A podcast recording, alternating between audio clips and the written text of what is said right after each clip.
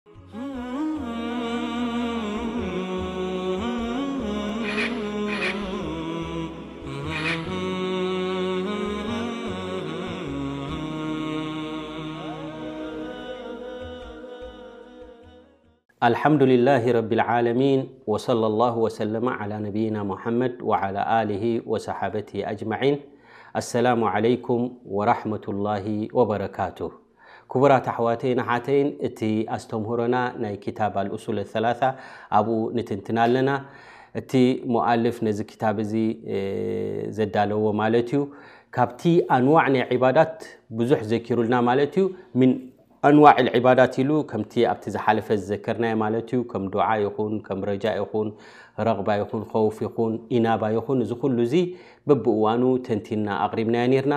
ሎሚ ድማ ካብተን ኣንዋዕ ናይ ዒባዳት፣ ረቢ ስብሓነሁ ወተዓላ ዝዘከሮ ዒባዳ ሓደ እንታይ ኣሎ? ኣልእስቲዓዛ እዩ። ኣልእስቲዓዛ ምዕቋብ፣ ዕቕቦ ማለት ዘዕቁበካ ምድላይ። ብጀካ ረቢ ስብሓነሁ ወተዓላ ኣዕቋቢ የለን። ወልእስቲዓዛ እንታይ ማለት እዩ እንተ ኢልካ፣ ህያ ጠለቡ ልዓውዝ ወኣዑዙ ክንብል ከለና ማዕናሁ ኣልተጅኡ ወኣዕተስሙ ወኣተሓረዙ ማለት እዩ ማለት ይዕቆብ ኣለኹ ይፅጋዕ ኣለኹ ይከላኸል ኣለኹ ማለት እዩ ኣዑዙ ክትብል ከለኻ ማለት እዩ እዘን እዚ እስትዓዛ እዚ እዚ ዕቑባ ምሕታት እዚ ብጀካ እቲ ረቢ ስብሓን ወተዓላ ዝኽእሎ እንተዘይኮይኑ ብጀካ እቲ ረቢ ስብሓን ወተዓላ እዚ ዕቁባ እዚ ወይ ድማ ኣዕቁበኒ ምባል ናብ ረቢ ስብሓን ወተዓላ ዓብዪ ዕባዳ ስለ ዝኾነ ረቢ ስብሓን ወተዓላ ጥራሕ ዝውንኖ ዝኾነ ናብ ካልኦት መክሉቂን ኣዕቁቡኒ ምባል እዚ ኣብ ሽርክ እውን ከውድቐካ ይኽእል እዩ ስለዚ እምበኣር እንታይ ክንከውን ኣለና ማለት እዩ? ኣየናይ እስቲዓዛ እቲ መሽሩዕ ብጀካ ንረቢ ስብሓን ወተዓላ ተዘይኮይኑ ናብ ካሊእ ክንሓቶ ዘይብልና ኣየናይ ይኸን ከመይ ዝበለይቲ ዝፍቀድ ድማ ክንፈልጦ ይግብኣና ማለት እዩ። እብኒ ልቀይም ራሕመቱላህ ዓለይህ እንታይ ይብል ወሓቂቀት ማዕናሁ እዚ እስቲዓዛ እዚ እቲ ማዕና ናቱ እንተ ክንፈልጦ ደሊና ይብል ኣልሁሩብ ሚን ሸይእን ተኻፍሁ ኢላ መን ያዕሲሙካ ምንሁ ካብ ሓደ ነገር ትፈርሖ ካብኡ ሃዲምካ ካብኡ ኣልጊስካ ናብቲ ክከላኸለልካ ዝኽእል ናብኡ ክትዕቆብ ከለኻ እዚ እስቲዓዛ ዝበሃል ይብል ማለት እዩ እምበኣር እስቲዓዛ ዒባዳ ምዃኑ ኣላሁ ስብሓንሁ ወተዓላ እውን ኣብ ቁርን እንታይ ይብል ቁል ኣዑዙ ብረቢ ናስ መሊክ ናስ እምበኣረይ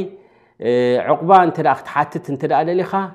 ናብቲ ረቡናስ ጎይታ ናይ ደቂ ሰባት ዝኾነ ወናኒ ናይ ደቂ ሰባት ዝኾነ ናብኡ ሕተት ተባሂሉ ማለት እዩ ከምኡ ውን ኣላሁ ስብሓንሁ ወተላ እንታይ ይብል ፈኢዛ ቀረእተ ልቁርን ፈስተዒዝ ብላህ ምና ሸይጣን ረጂም እነሁ ለይሰ ለሁ ስልጣኑ ዓላ ለذነ ኣመኑ ወዓላ ረቢህም የተወከሉን እዘን እዚ እውን ምስቲ ናይ ቅድም ዝዘከርናዮ ናይ ተወኩል ዝብል ዓብዪ ምትእስሳር ኣለዎ ማለት እዩ ኩላ ግዜ ሸይጣን ንደቂ ሰባት ካብቲ ቅኑዕ መንገዲ ናብ ጥፍኣት እዩ ዝመርሕ ማለት እዩ። እምበኣርይ ነቶም ብሓቂ ናብ ረቢ ስብሓነሁ ወተዓላ ዝውከሉን ዝጽግዑን ዝኾኑ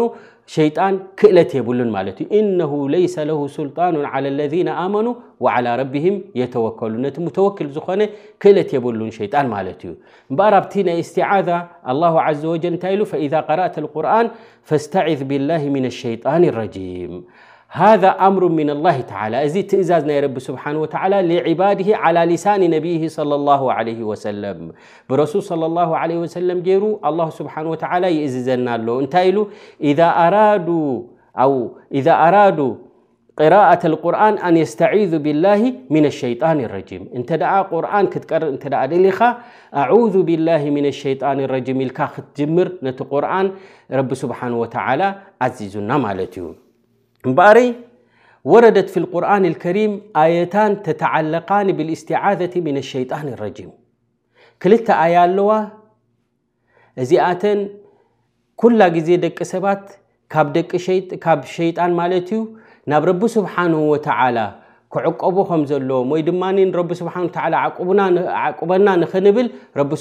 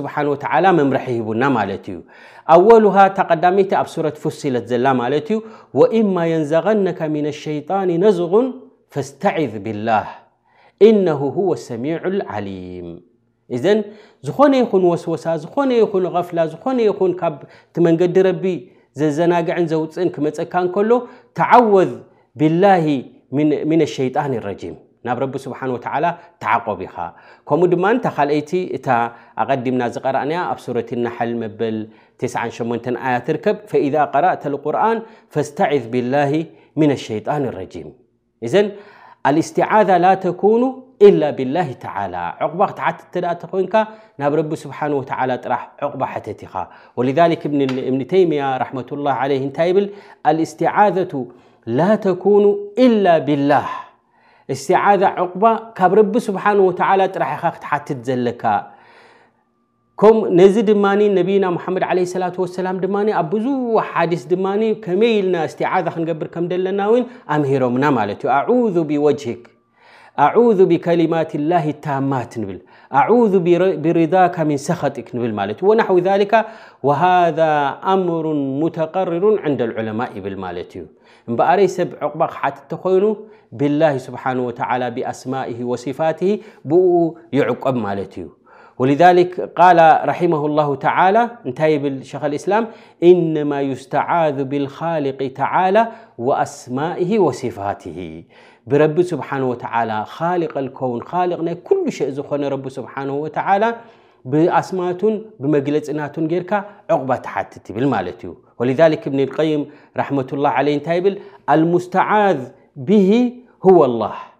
ዑቅባ ትሓትት ብረቢ ስብሓንሁ ወተዓላ ጥራሕ ይብል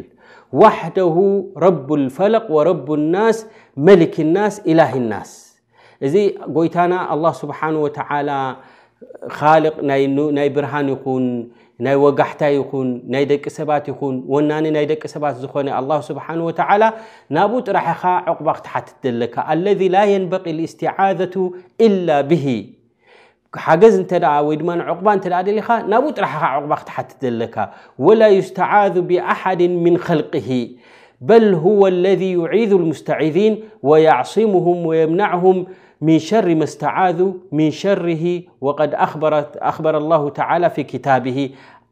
ኣላህ ስብሓን ወተዓላ እውን ኣብ ቁርን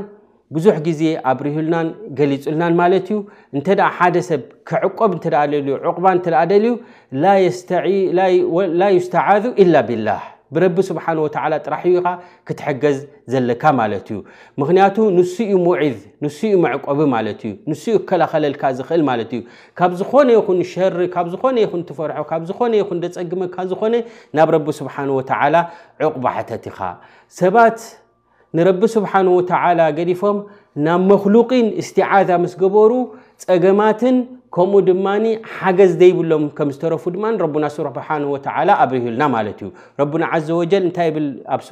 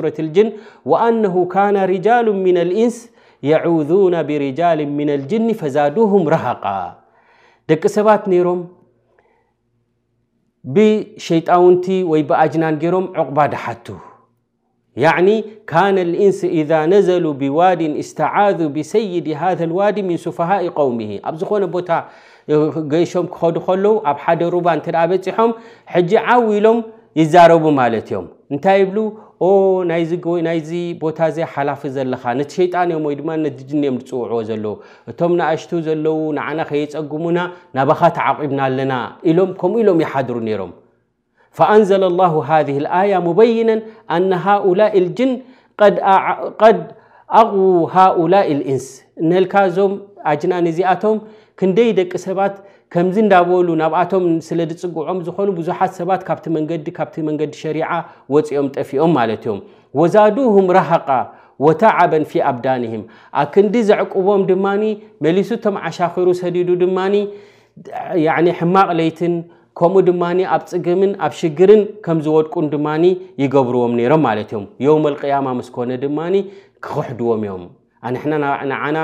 ተዓቆቡ ኢልና ዶ ኣዚዝናኩም ኢና ባዕልኻትኩም ኢኹም ናባና ትዕቆቡ ነይሮም ምክንያቱ እቲ ምዕቋብ ክትሓትዎ ዝግባኣኩም ንረቢ ስብሓን ወተዓላ እዩ ነይሩ ኢሎም የውም ኣልቅያማ ድማ ክኽሕድዎም እዮም ማለት እዮም ስለዚ ሰባት ነይሮም ብመን ዕቁባ ድሓቱ ብኣጅናን ኢሉ ረብና ዘ ወጀል ኣብ ሱረት ልጅን መበል ሽዱሽተ ኣያ ገሊጹልና ማለት እዩ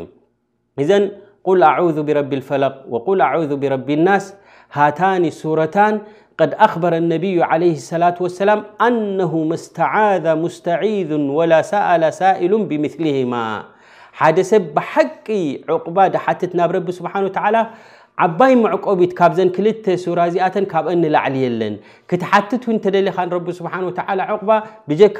ካብዘን ክልተ እዚኣተን ሱራ ንላዕሊ ጌርካ ትዕቆበሉ የለን ይብል ማለት እዩ። ወቀድ ኣርሸደ ባዕዱ ሰሓበቲ ኢላ ኣን የቅረኣሃ ቃል ኣነቢ ዓለይሂ ሰላቱ ወሰላም እውን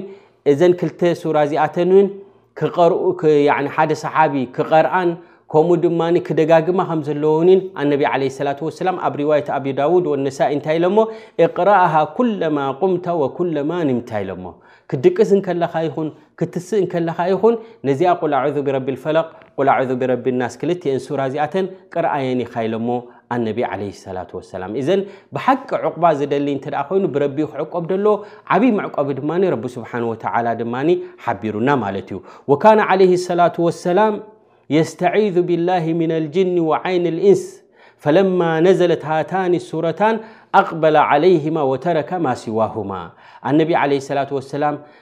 ካብ ኣጅናን ይኹን ካብ ዓይኒ ናስ ይኹን ካብ ብዙሕ ነገራት ያረብ ኣዕቁበኒ እንዳበሉ ዕቑባ ይሓቱ ነይሮም። እዘን ክልተ ሱራ እዚኣተን ምስ ወረዳ ግን ኩሉ እቲ ዝብልዎ ዝነበሩ ገዲፎም በዘን ክልተ ሱራ እዚኣተን ናብ ረቢ ስብሓን ወተዓላ ይዕቆቡ ነይሮም። ኣመረ ብልእስትዓዘቲ ብሂ ፈደለ ዓላ ኣነሃ ዒባዳ እምበኣር በዘን ክልተ ሱራ እዚኣተን ተዓቆቡ ካብ በሉ ነቢ ዓለይሂ ሰላት ወሰላም እምበኣር እዚ ዕቑባ ምሕታት ዒባዳ እዩ።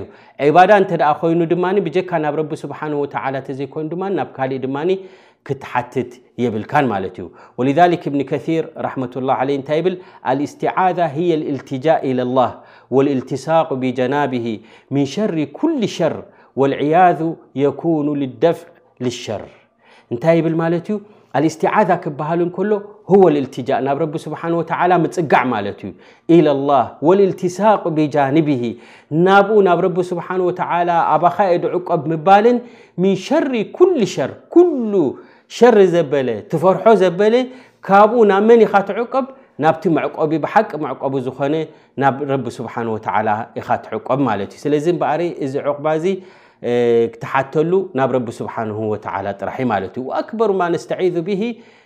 ህዋ ምን ኣርባዕ ንሕና ኩላ ግዜ ብዙሕ ነገራት ኣሎ ናብ ረቢ ስብሓን ወተዓላ ዕቑባ ንሓተሉ ማለት እዩ ላኪን እተን ኣርባዕተ ነገራት ዓበይቲ ከበድቲ ዝኾና ድማ እዚአን ድማ ኩላ ግዜ ንረቢ ስብሓን ወተዓላ ካብዘን ኣርባዕተ እዚኣተን ናባኻ ንዕቆብ ኣለና ኢልና ድማ ክንልምኖ ኣለና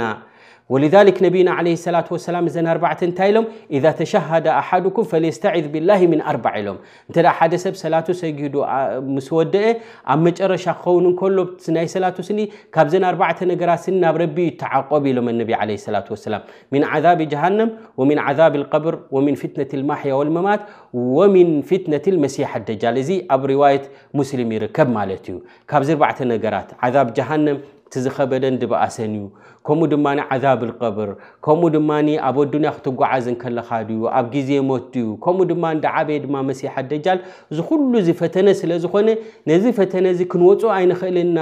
ካብዚ ፈተነ እዚ ክንድሕን ኣይንኽእልና ብጀካ ካብ መጎይታና ናባኻ ኣዕቁበና ክንብል ነቢይና ሙሓመድ ዓለይ ሰላት ወሰላም ኣዚዞምና ማለት እዮም ወሊዛሊክ ኢማም ኣልኣልባኒ ራሕመቱላህ ዓለይህ ራሕመተን ዋሲዓ ፊ ክታብህ ልመሽሁር ሲፈት ሰላት እንታይ ይብል ስኒ ውጁብ ኣልእስትዓዘቱ ምን ኣርባዕ ቐብለ ዱዓ ይብል ቅድሚ ድኾነ ይኹን ዱዓ ምግባርካ ሰላት ዓለ ነቢ ምስ ወዳእካ ኣብ ሰላትካ ይብል ካብዘን ኣርባዕተ ነገራት እዚኣተን ተዓውዝ ክትገብር ዋጅብ እዩ ይብል ማለት እዩ ጠብዓ እስትዓዛ ዕቑባ ናብ ረቢ ስብሓን ወተዓላ ምሕታት ማለት እዩ ብዙሕ ዓይነት ማለት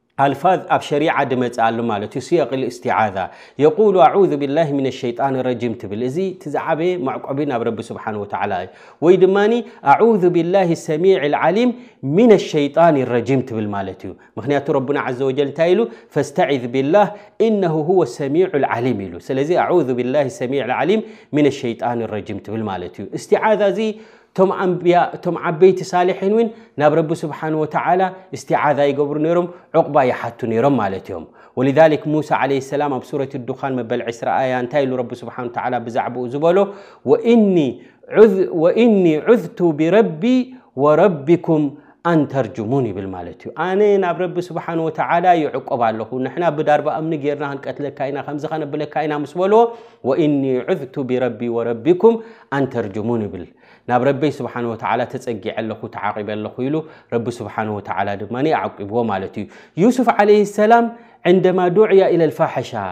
ናብ ሕማቕ ክወድቕ ምስ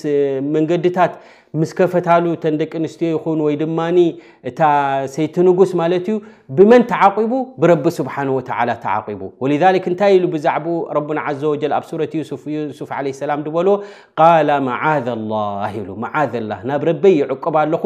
እነሁ ረቢ ኣሕሰና መትዋይ እነሁ ላ ይፍልሑ ዛሊሙን ቃላ መዓዘ ላህ ናብ ረቢ ይዕቆብ ኣለኹ ኢሉ ማለት እዩ እዘን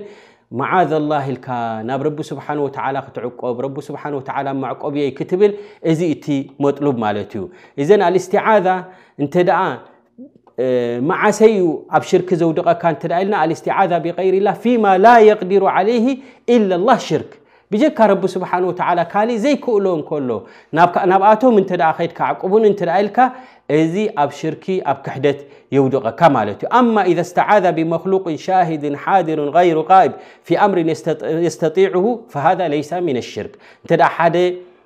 ዝኽእሎ ኮይኑ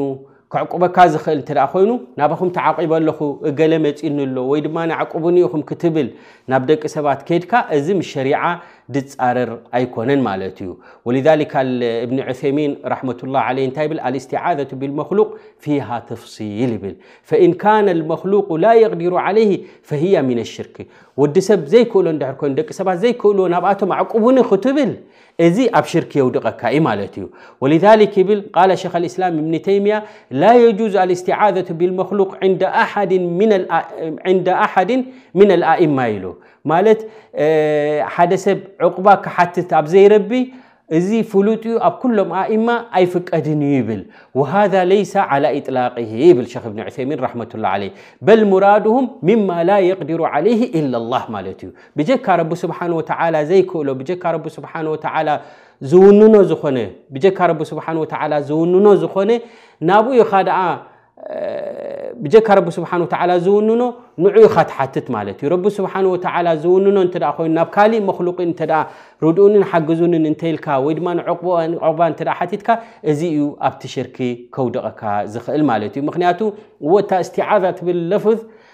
እወ ናብ ረቢ ስብሓን ወተዓላኣ ክትውዕል ዘለዋ እንተኾነ ግን ደቂ ሰባት ኣብ ዝኽእልዎ እንተ ደኣ ኮይኖም እዛ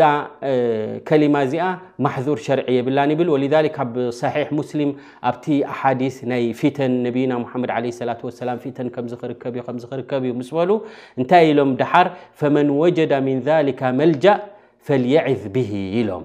እዚ ኣብ ሰሒሕ ሙስሊም ዘሎ ማለት እዩ እንተ ደኣ ሓደ ሰብ ስኒ ካብዚ ፊተን እዚ መዕቆቢ እንተ ደኣ ረኺቡ ክዕቆበላ ዝኽእል እንተ ደኣ ረኺቡ ስኒ ይተዓቆብ ኢሎም እዘን እምበኣር ይተዓቆብ ካብ በሉ ነቢ ዓለይሂ ሰላቱ ወሰላም ድኽእሎ ሰብ እንተ ደኣ ኮይኑ ኣብ ዝኽእልዎ እንተ ደኣ ኮይኑ